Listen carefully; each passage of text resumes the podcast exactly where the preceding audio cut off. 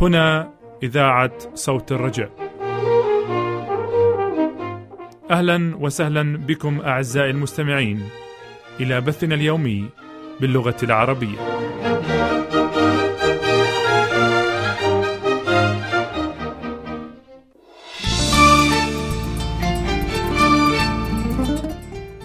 وأجمل تحية يقدمها منير سلام. ونور كمال. من وراء ميكروفونات صوت الرجاء لكم أعزائي المستمعين. وسنرافقكم خلال برنامج اليوم. متمنين لكم معنا أسعد الأوقات وأمتعها. سيتضمن برنامجنا لهذا اليوم فكرة اليوم وهي فكرة للتأمل والتفكير. ومن ثم نستمع إلى عالم المرأة. برنامج نعالج فيه قضايا المرأة العصرية. وننهي برنامجنا لهذا اليوم بنحو الأفضل. خطوات تقودك لحياة أفضل. فكونوا معنا.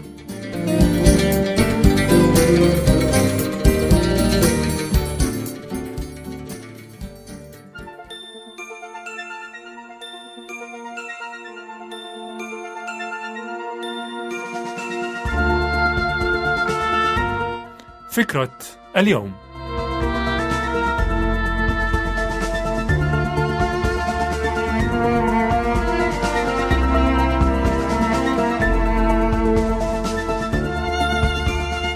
المشاركة في الألم.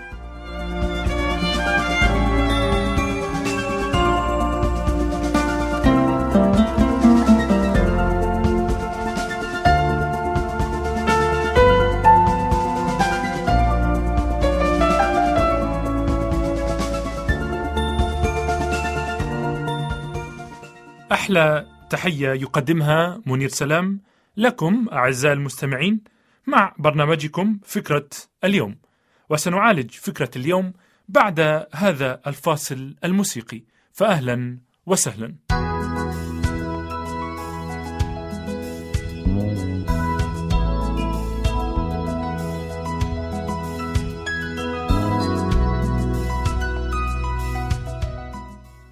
أراد أصحاب أيوب تعزيته ولكننا نستطيع أن نتعلم من طريقة تعزيتهم مبدا هاما عن كيفية مواساتنا للآخرين في محنتهم.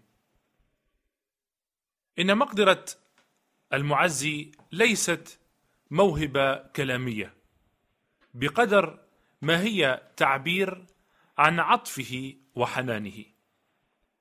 وهذه هي نوعية التعزية التي كان أيوب النبي يتوق أن يراها في أصدقائه وهم يحاولون إصلاحه.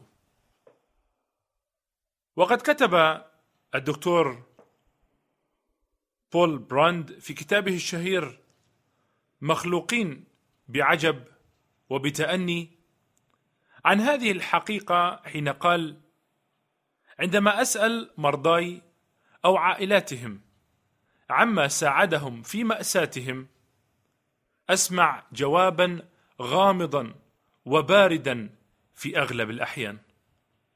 فالشخص المعزي الذي أنتظر أن أسمع عنه نادرا ما يملك أجوبة رقيقة أو شخصية المعزي الحقيقي فإن المعزي والمواسي يجب أن يكون شخصا هادئا ومتفهما. يصغي أكثر مما يتكلم. لا يصدر حكما ولا حتى يعطي نصيحة. فإن وجوده يكفي. حتى عند الحاجة يستطيع أن يمد يده نحو يدك الممدودة. لكي يمسك بها. إن ذراعا تحيط عنق المتألم أو غصه في حلق المعزي.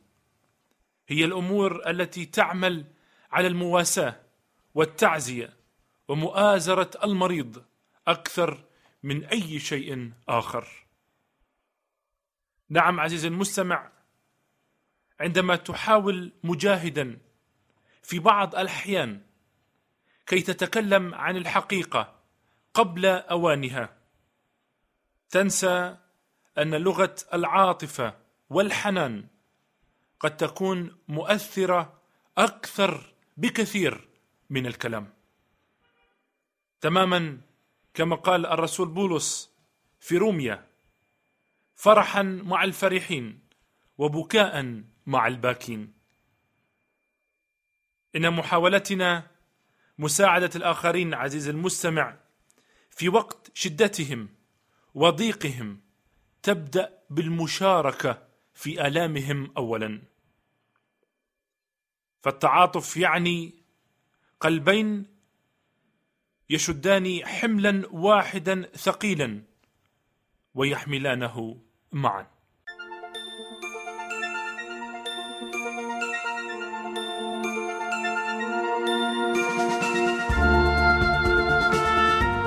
رافقكم منير سلام في فكرة اليوم وإلى اللقاء مع فكرة جديدة.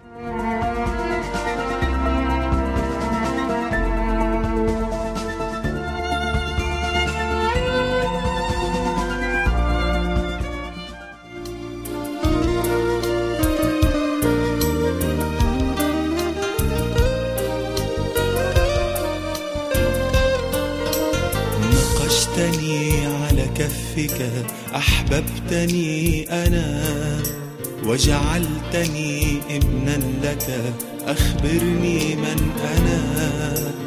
نقشتني على كفك أحببتني أنا وجعلتني ابنا لك أخبرني من أنا.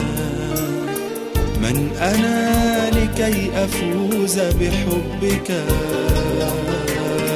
من أنا لكي أصير ابنا لك؟ من أنا لكي أفوز بحبك؟ من أنا لكي أصير ابنا لك؟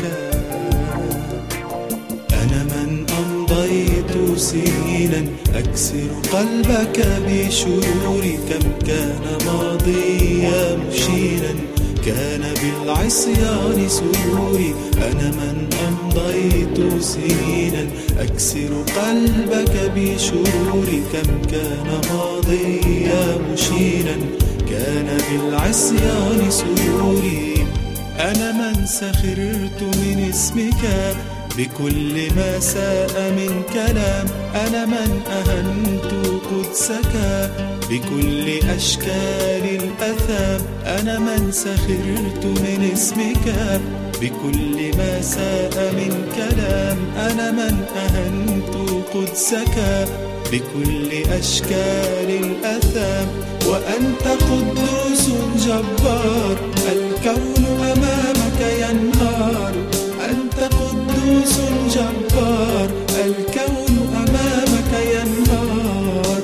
اخترت أن تحبني وتقابل ذنبي بصفحك. فمن أنا؟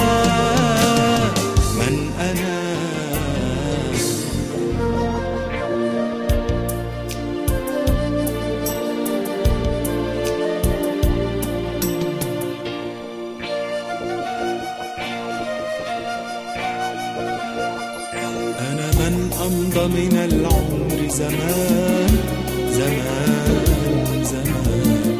ينفث شرا في كل مكان مكان مكان.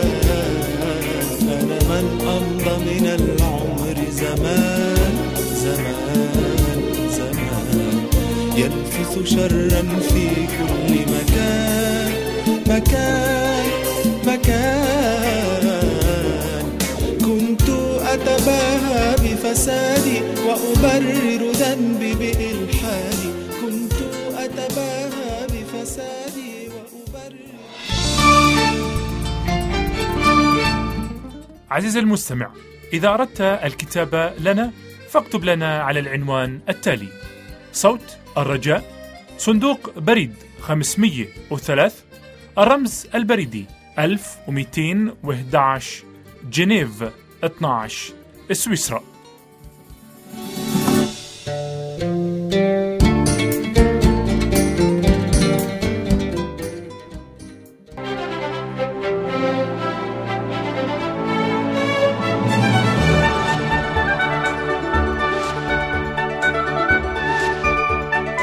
أنتم تستمعون لصوت الرجاء.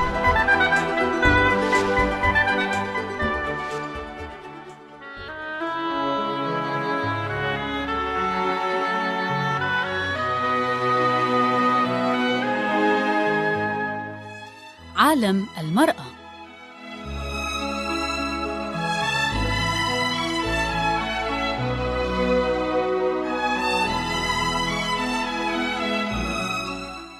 هي اللياقة البدنية؟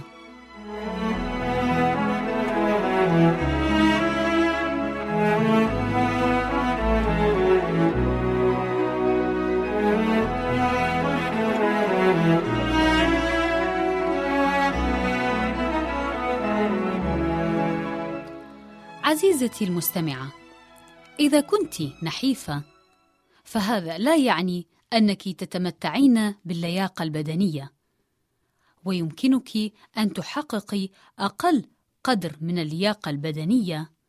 إذا استطعت أن تجري تمارين نشطة إلى حد يكفي لرفع نبضك إلى 120 نبضة في الدقيقة ولمدة لا تقل عن عشرة دقائق مرتين في الأسبوع. ولكنك وبالتأكيد ستشعرين بفرق أكبر إذا استطعت أن تتمرني لثلاثين دقيقة ولثلاث مرات في الأسبوع. ولا بد لك أن تعلمي أن العملية الجنسية لا تساعد في زيادة اللياقة وذلك لأن سرعة النبض تتولد عن الهرمونات المنطلقة من الدماغ وغدد الأدرينالين وليس عن زيادة في كمية الدم العائدة إلى القلب من العضلات المشبعة بالتمرين كما هو الحال عند إجراء الرياضة. وليس من الضروري القيام بتمارين نشطة كل يوم، إذ أن هناك إشارة فيزيولوجية طبيعية تدعى التنفس اللاهث، وهي التي تعلمك بأن نبضك قد وصل إلى 120 نبضة في الدقيقة. أو بتعبير آخر إلى الحد الأدنى من مستوى الجهد بالتمرين. ومؤشر سرعة الضغط الذي يمكنك الاعتماد عليه لقياس لياقتك البدنية هو سرعة نبضك بعد التمرين، لأنه يظهر ارتداد القوة التي يخلفها التمرين على جسمك. ومن الجيد أن تعلمي أن نط الحبل تمرين جيد، ولكنه ليس التمرين الأمثل في برنامج طويل الأمد للتمتع باللياقة البدنية. وأن تعلمي أن رفع الأثقال يقوي عضلاتك لا قلبك. فإذا لم تستعملي أثقالا خفيفة وتتمرنين لمدة عشرة دقائق على الأقل بشكل مستمر ومرتين في الأسبوع فلن تتمكني من تقوية عضلة قلبك. واعلمي أنه لا ينبغي أن تتمطي قبل الجري، بل بعد الجري لمدة ثلاث إلى خمسة دقائق. وهناك معلومة قد تفيدك عزيزتي المستمعة، وهو أن رفع الجذع من وضع الاضطجاع لا يفيدك لإزالة كرشك، بل يمكن أن يزيد من التقوس في ظهرك، كما لا يجدي بفعالية في تقوية عضلات بطنك، لأنك تستخدمين أيضا عضلات رجليك لتساعدك في رفع جذعك من وضع الاستلقاء. والأفضل منه رفع جذعك من وضع الاستلقاء. والمعلومة الأخيرة هو أن التمارين تحرق الدهون في الجسم ولكن الدهون لا تصبح عضلات ولا العضلات تصبح دهوناً.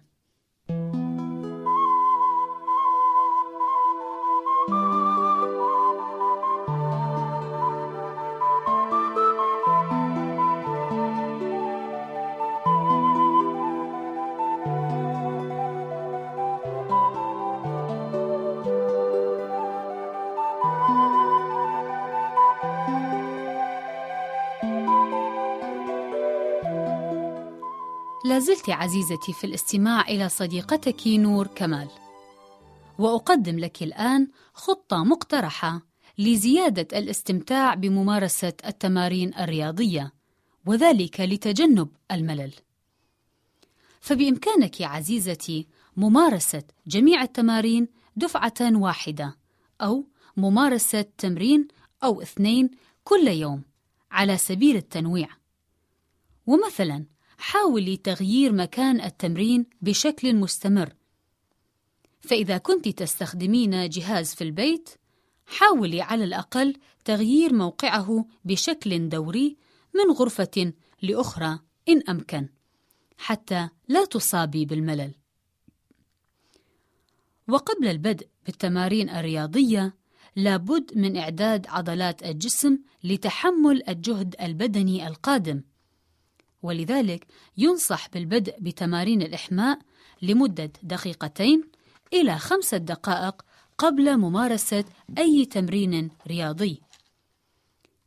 والمشي السريع لنفس المدة يؤدي الغرض، أو ممارسة بعض التمارين السويدية لتسريع وتنشيط الدورة الدموية. وبعد الانتهاء من التمارين عزيزتي، حاولي ممارسة بعض تمارين الإرخاء للعضلات، حتى تتخلصي من الشد والتوتر الذي يصيب العضلة عادة بعد ممارسة نشاط بدني عنيف. وهذه التمارين ضرورية جدا لكي ترفعي من لياقة بدنك والحفاظ عليه لينا. للحصول عزيزتي المستمعة على قوام رشيق، حاولي حرق ألف سعرة حرارية في الأسبوع على أجهزة المشي أو بممارسة التمارين الرياضية العادية. وتذكري دائما ألا ترهقي نفسك كثيرا حتى لا تتثاقلي من ممارسة التمارين بعد فترة. فالإجهاد الزائد في التمارين والحمية القاسية والسريعة عوامل لا تساعدك على الاحتفاظ بوزن مثالي على المدى الطويل. فاتباع الطرق الصحيحة إذا عزيزتي هي سبيلك الوحيد للاحتفاظ برشاقة دائمة. مع أمنياتي لك عزيزتي بكل الصحة والعافية. أودعك على أمل اللقاء بك في حلقة قادمة من برنامجك هذا.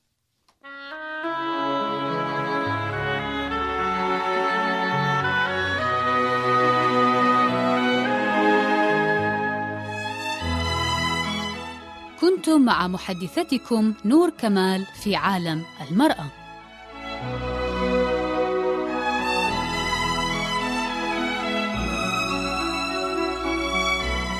إذا كان لديك عزيزتي المستمعة أي سؤال أو استفسار أو حتى اقتراح، فأرجو الكتابة لي شخصياً على عنوان البرنامج الذي ستسمعينه في نهاية البث، وسأكون في غاية السرور للإجابة عليها.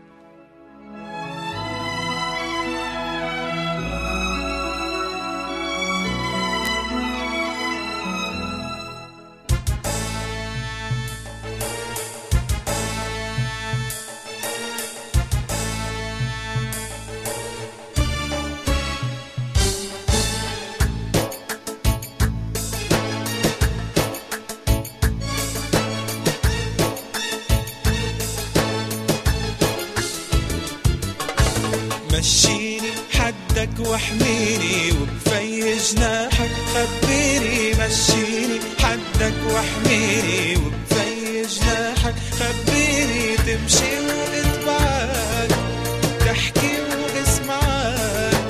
تمشي واتبعك تحكي واسمعك. أنا بدي أبقى معك. بعدي عنك رح يأذيني. مشيني. حدك واحميني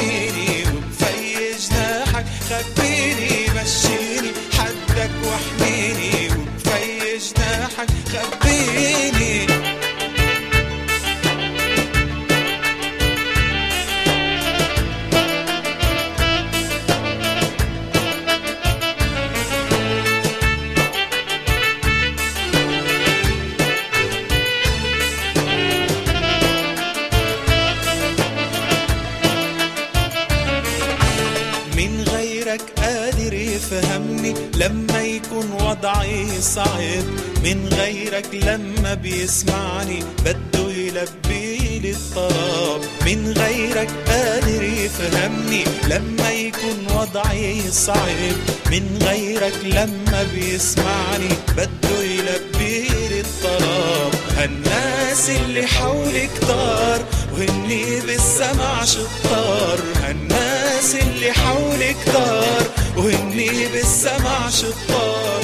وأشطرهم بوقت الشد بسرعة. أنتم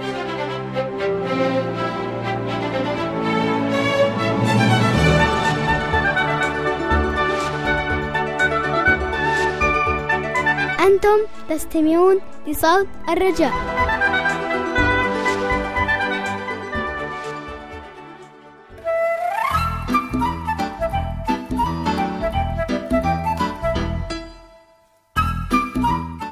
نحو الأفضل. برنامج أسبوعي يقدمه منير سلام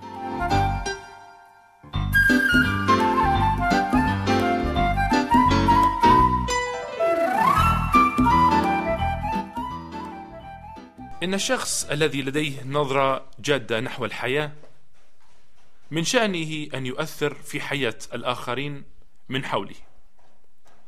فإذا كان من النوعية الخلاقة المبدعة المنظمة صاحب رؤية ونشيطا في عمله فهذا بالطبع سيترك أثره على الآخرين حتى أنهم يتأثرون بسلوكياته وبطريقة إيجابية. إن سلوكنا واتجاهنا في الحياة هو قراءة لانطباعات شخصياتنا. فمنذ حوالي ثلاثة ألاف عام كتب الحكيم سليمان قائلا لأنه كما شعر في نفسه هكذا هو. لذا عزيزي المستمع وأيا كان وضعك؟ إذا كنت زوج زوجة جار قائد اجتماعي خادم فالجميع مسؤول عما هو أبعد من مجرد تأثير على النفس. فنحن عزيزي المستمع مسؤولون عن الآخرين أيضا ومسؤولون حتما عن مدى تأثيرنا عليهم. وعلينا بالتالي أن نسلك بإيجابية اتجاه الله والآخرين والعالم بصفة عامة. وما نتركه من قدرة ونموذج سلوكي سوف يعطي نتائج في حياة الآخرين من حولنا. إذا عزيزي المستمع إن كل إنسان قد يختبر اختبارات محبطة وجروحا لكن الصدى الذي تتركه هذه الاختبارات على حياة الفرد هو الأهم. فإذا تركت التجارب والآلام داخل الإنسان مرارة وعداوة وانسحاب أو هروب من المجتمع فسوف تترك أثرا سلبيا على علاقات الفرد مع الآخرين. لكنها قد تتحول إلى عوامل بناء في شخصية الإنسان كما يقول يعقوب الرسول في رسالته ويقول احسبوه كل فرح يا إخوتي حينما تقعون في تجارب متنوعة. عالمين أن امتحان إيمانكم ينشئ صبرا وأما الصبر فليكن له عمل تام لكي تكونوا تامين وكاملين غير ناقصين في شيء. وهكذا عزيز المستمع تأخذ خطوة أخرى نحو الأفضل.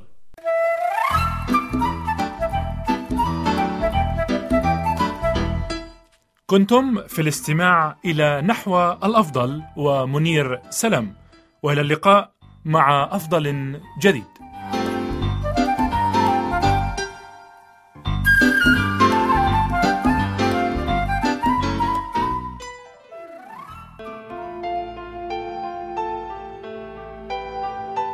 منير سلام ونور كمال. يشكرانك عزيزي المستمع لمرافقتنا خلال برنامج اليوم. وسنكون في غاية الفرح لأن نبعث لك بنسخة من حلقة اليوم أو بنسخة من مطبوعاتنا أو من دروسنا بالمراسلة. وسأكون في غاية الفرح لاستلام أسئلتك واستفساراتك ومقترحاتك وانطباعاتك والرد عليها شخصيا. وإذا ما أردت المزيد من المعلومات بشأن برامجنا باللغة العربية فاكتب لنا على العنوان التالي. عنواننا هو صوت الرجاء صندوق بريد 503 الرمز البريدي 1211 جنيف 12 سويسرا. نعيد العنوان باللغة العربية. صوت الرجاء صندوق بريد 503 الرمز البريدي 1211 جنيف 12 سويسرا. والرجاء كتابة العنوان باللغة الإنجليزية على النحو التالي. Voice of Hope P.O. Box 503 CH 1211 جنيفا 12 سويسرلاند ولك منا من وراء ميكروفونات صوت الرجاء أرق وأحلى سلام. ولك من مهندس الصوت أنور عبد المسيح نفس المحبة والترحيب. وإلى اللقاء مع برنامج قادم. وليكن الرب معكم.